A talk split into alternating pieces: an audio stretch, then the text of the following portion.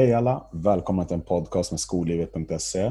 Tanne Nelson heter jag och dagens gäst är Tanja Tinglöf. Välkommen Tanja! Tack så jättemycket!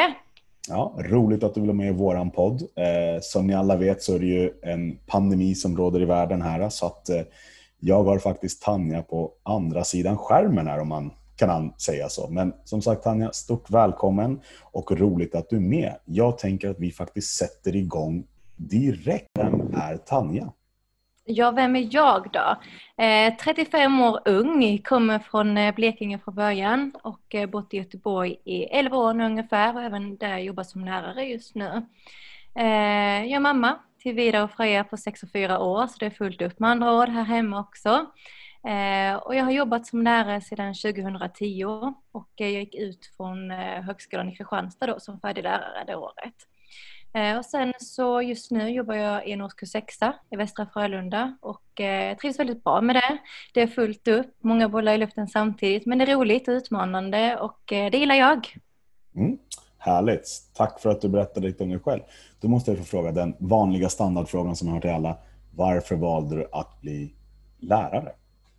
Eh, jag har nog alltid varit en barnperson sedan jag var liten. Det var alltid mig man hittade på golvet med de mindre barnen, kusiner, eh, mammas vänners barn och sådär. Och eh, så, men intresset har alltid funnits där för barn och göra aktiviteter med dem och, och sådär. Så att, att jobba med människor på något sätt var en självklarhet för mig. Men sen insåg jag nog inte lite senare att det var lärare som jag ville bli. Men det blev det. Det blev det, ja. Där ser man. Ja. Där ser man. Om jag får fråga, hur skulle du beskriva dig själv som lärare? Eh, ja, jag har ju en bild av mina elever. Jag har såklart en bild. det förstår jag, men om vi, om vi tar ja. din bild eftersom det är dig jag intervjuar här. Eh, ja, men jag skulle nog vilja säga att jag är... Eh, man kan ju se mig lite som sträng om man kan säga så. Men det är nog för att jag är, jag är väldigt tydlig, konsekvent i eh, ramar och rutiner i klassrummet. Eh, så det skapar ju en trygghet för eleverna, att de vet att, ja, hur det ser ut eh, under dagens gång, att man har snarlikna eh, rutiner och sådär. Ja, men jag är nog ganska inlyssnande också. Jag ser elevernas behov, eh, lyssnar in deras behov och tankar och önskemål och försöker individualisera så att varje elev ska vara utmanad på sin kunskapsnivå. Varför vi poddar lite med dig Tanja är ju för att prata lite om sociala medier. Så vi kommer lägga lite fokus på sociala medier här de kommande frågorna. Och eh, den första frågan, påståendet kanske blir då, du är ju väldigt aktiv på sociala medier. Varför har det blivit så? Eh, från början så eh, bloggade jag. Jag bloggade från början som eh, föräldrablogg. Eh, sen efter det så tröttnade jag och jag kom in i det här att producera lite eget material för mina egna årskurser som jag hade och ville ha någonstans att lägga upp mitt material och då blev det en blogg som första eh, grej på nätet helt enkelt för att sprida och kunna hjälpa och stötta andra lärare som är nya och eh, slippa uppfinna hjulet på nytt. Mm, så låter... så var början. Ja, låter bra och smart om man säger så. Eh, om vi går in lite på fortfarande sociala medier. Du har en Facebook-sida som heter I hjärtat av läraryrket. Kan du berätta mer hur du kom på just den idén att starta och varför du valde just I hjärtat av läraryrket? Hur kom du på det namnet?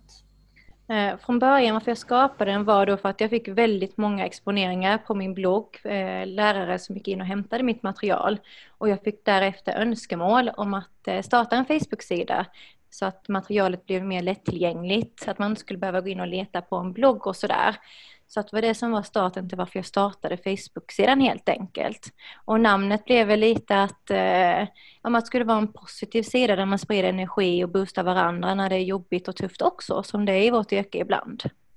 Om vi tar Facebook-sidan, den har ju över 14 000 medlemmar. Sist jag kollade, det kan vara lite fler, kan vara lite färre, jag vet inte. Mm. Men eh, det måste ju ändå kännas Alltså man måste väl bli glad över att man har 14 000 följare eller medlemmar på något sätt. Det är ju inte fy skam det. Jag tänker egentligen så att visst, det är jättekul att eh, andra lärare vill följa en och gå in och ta del av andras tips och mina tips och sådär. Men jag tycker det är häftigt att det ökar att, på så sätt att eh, det är så många som känner att de behöver stöttning och hjälp, att man faktiskt kan hjälpa varandra. Det är det som jag tycker är så häftigt, att man är så många eh, lärare på en och samma sida som faktiskt är där för att stötta varandra. Ja, det är coolt. Ja, det är coolt, det måste jag säga. Mm. Du pratar om det här, du har ju även en, ett Facebook-konto som heter Mitt roliga klassrum. Den har ju också väldigt många följare, eh, över 18 000 sist jag kollade. Du kanske har fått lite fler nu, jag vet inte. Men eh, vad skiljer sig med ditt Facebook-konto och ditt Instagram-konto om man får jämföra dem lite? Eh, Facebook-sidan är jag inte lika aktiv på utan det är lite en tanke att andra med ska kunna men delge sina tankar, eh, material, idéer som de har där.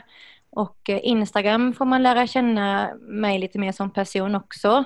Eh, vem jag är privat för att kontot är ju dels eh, jag som förälder men också jag som lärare så att det blir många olika eh, inputs så att säga där.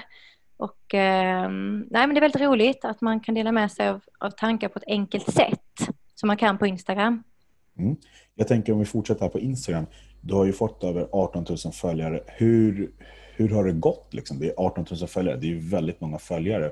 Har du någon mm. speciellt tips till de andra, som, andra lärare som försöker bygga sitt eget litet community om man säger så? Vad har du för tips och råd till dem? Jag tror inte man kan tänka egentligen på det, på det sättet så, utan man kör sin grej. Man ska försöka, ja men om jag vill förmedla eh, skolmaterial som jag gör till exempel och vara en positiv idéspruta eller vad det nu kan vara. Men att man är sig själv och inte försöker eh, ja, men, ta efter någon annan utan köra sin grej, det man själv tror på och det man vill alltså, sprida vidare och stötta andra i. Det tror jag är viktigt att man står för det. Ja. Eh, om vi pratar lite delarkultur inom skolvärlden, hur upplever du den på sociala medier? Eh, det känns som att det, det, varierar från plattform till plattform om man säger så. Hur tänker du, hur upplever du det? Ehm, jag tycker det är fantastiskt. När jag började eh, jobba som lärare, då hade jag lågstadiet. Och väldigt mycket tid upptogs av att skapa eget material. Det var ju typ det man fick lägga all tid på. Ehm, så det tog ju mycket energi. Ehm, det är, som vi alla vet, det finns ju inte mycket skolpengar att handla in material för. Så att, att då kunna dela och sprida det till andra samtidigt som man också kunde få stöttning från andra är ju fantastiskt. Slippa uppfinna hjulet på nytt och, och, och hitta inspiration hur andra gör. Man gör ju så olika, alla lärare. Så att det tycker jag är fantastiskt att man hjälper varandra med det. Då måste jag få fråga, hur mycket eget material skapar du?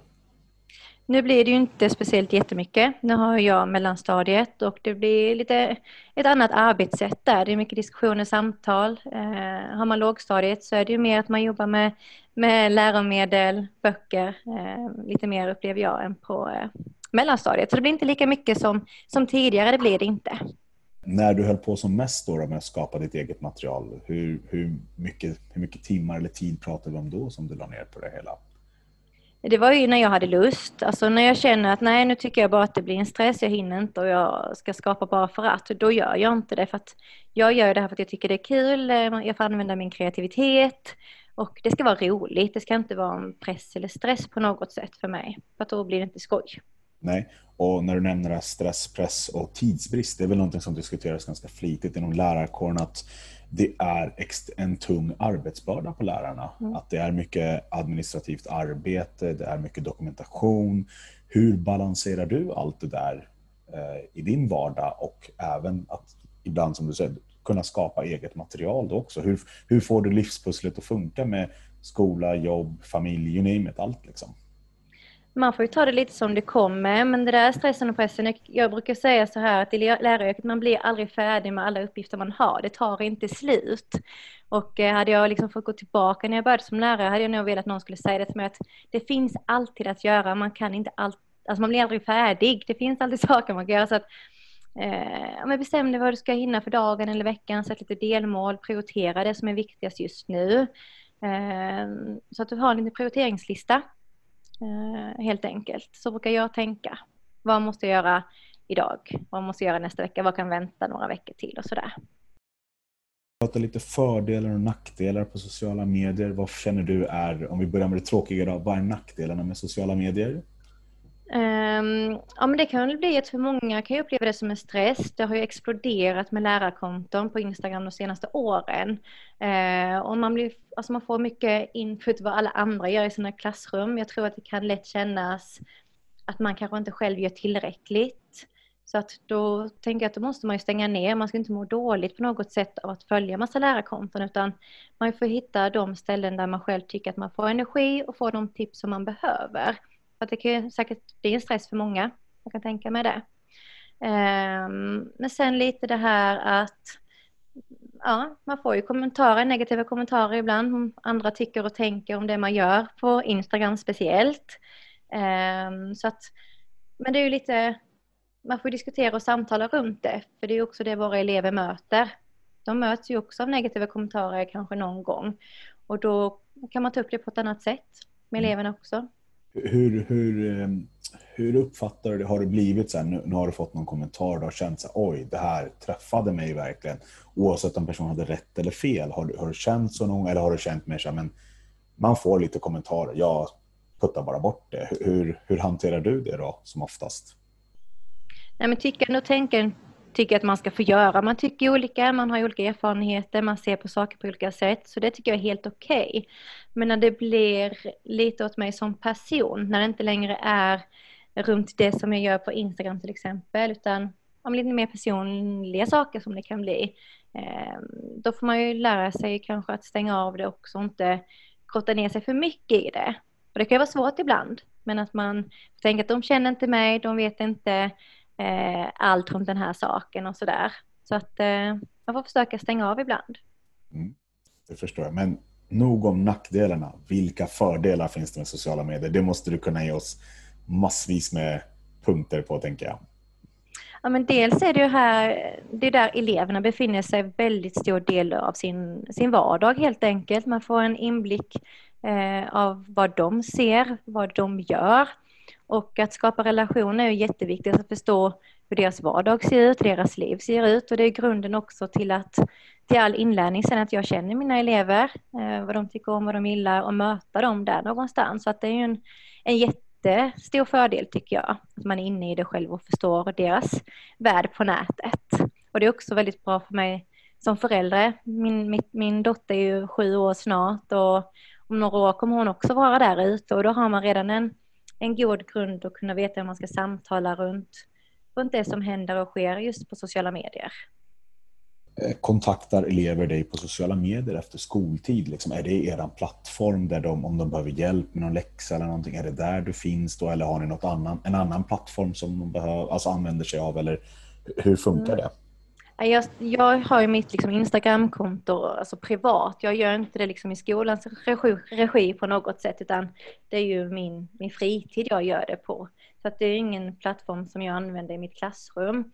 Utan då kör vi eh, Google Hangout som vi har nu startat upp där man kan nå mig under min arbetstid och jag kan svara på frågor runt om det är några läxor eller arbeten eller något annat som de funderar över.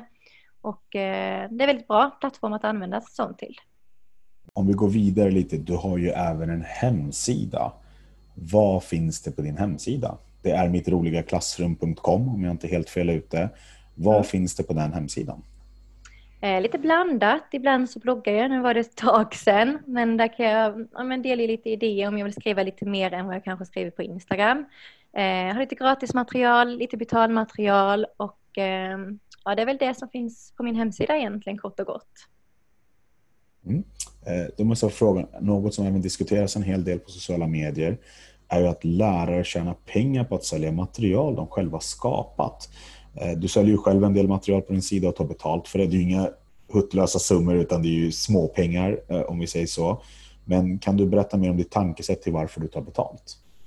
Mm. Det är mycket tankar, tyckande och tänkande om just den frågan som har ja. kommit upp. Och, och, det är inget konstigt tycker jag. Eh, så var det ju i bloggvärlden också i början. Det är ett nytt fenomen.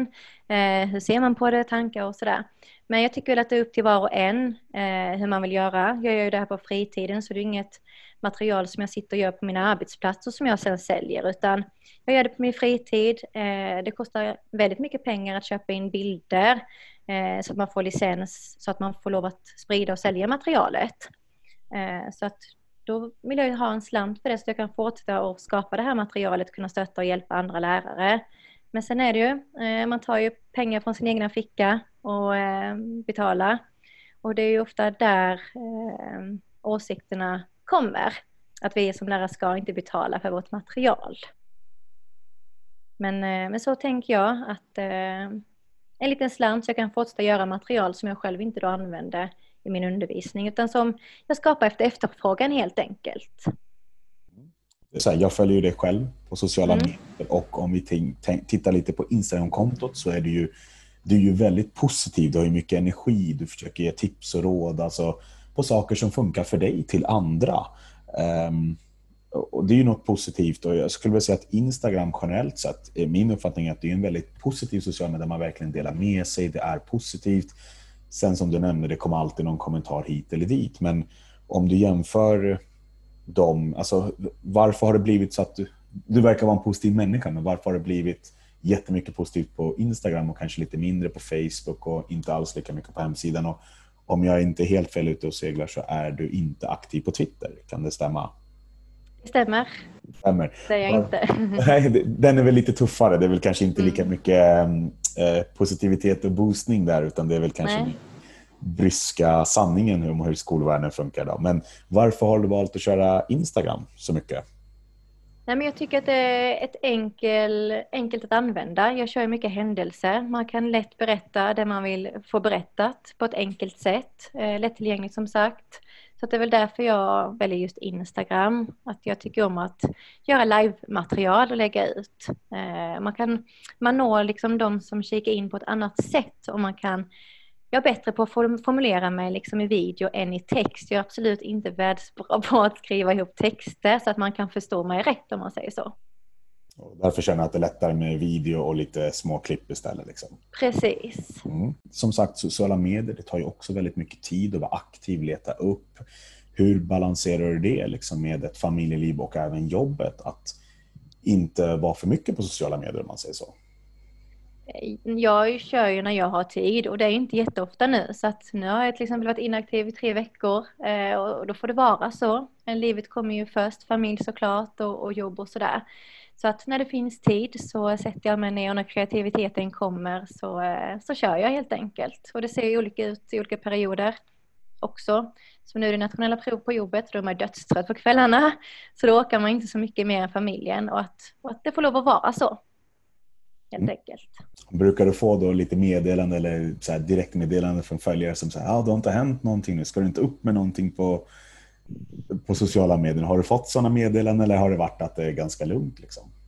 Ja, det är ganska lugnt på det sättet. Men sen, jag får ju ofta mycket frågor så här allmänt. Hur kan jag göra som nyexad lärare och sånt? Och det kommer in liksom eh, ganska ofta. Men inte sådär att oj, nu måste du lägga upp och sådär. För det finns ju väldigt många grymma lärare på Instagram där man kan kika in istället. Som kan tipsa och hjälpa också. Hur har du blivit en bättre lärare med hjälp av sociala medier om man får ställa frågan så? Eh, det är väldigt lättillgänglig informationshämtning. Eh, jag har ju inte jobbat på mellanstadiet väldigt många år utan jag har ju bara jobbat i två, ja, snart tre år. Eh, så jag är väldigt grön på det här området och att då snabbt kunna få stöttning från grymma kollegor på nätet. Det har verkligen varit en guldgruva. För det är mycket som är nytt och man kan absolut inte allt. Man lär ju sig hela sitt yrkesliv. Så att allt från hur man ska bedöma prov, hur man eh, skriver prov, sådana saker har hjälpt mig supermycket på vägen och att man snabbt får eh, tips och råd och hjälp om frågor man har. jag kan gå in och skriva eh, någon fråga till någon som jag kanske har god kontakt med på internet då. Och så får jag svar inom några minuter ibland så att snabba svar på ibland svåra frågor. Så att det tycker jag är helt suveränt. Det låter ju väldigt bra. Tanja, jag har inte så mycket mer att podda med dig om utan jag tycker våra lyssnare nog har fått veta lite mer om dig själv, hur du jobbar och det, det bästa sättet du använder sociala medier på med lite tips och tricks på saker. Men eh, till er alla lyssnare, glöm inte att följa Tanja på Mitt roliga klassrum på Instagram om ni vill ha bra inspiration. Facebook-sidan också, Hjärtat av läraryrket, kan ni även delge lite mer information där också. Så att eh, det finns mycket att välja mellan. Så att eh, det är bara in och titta på hennes sociala medier och även hemsidan mittroligaklassrum.com. Tanja, stort tack för att du ville vara med. Tack så jättemycket för att du ville ha mig med. Tack ja, det blir bra. Ja, tack så jättemycket och ha det bra.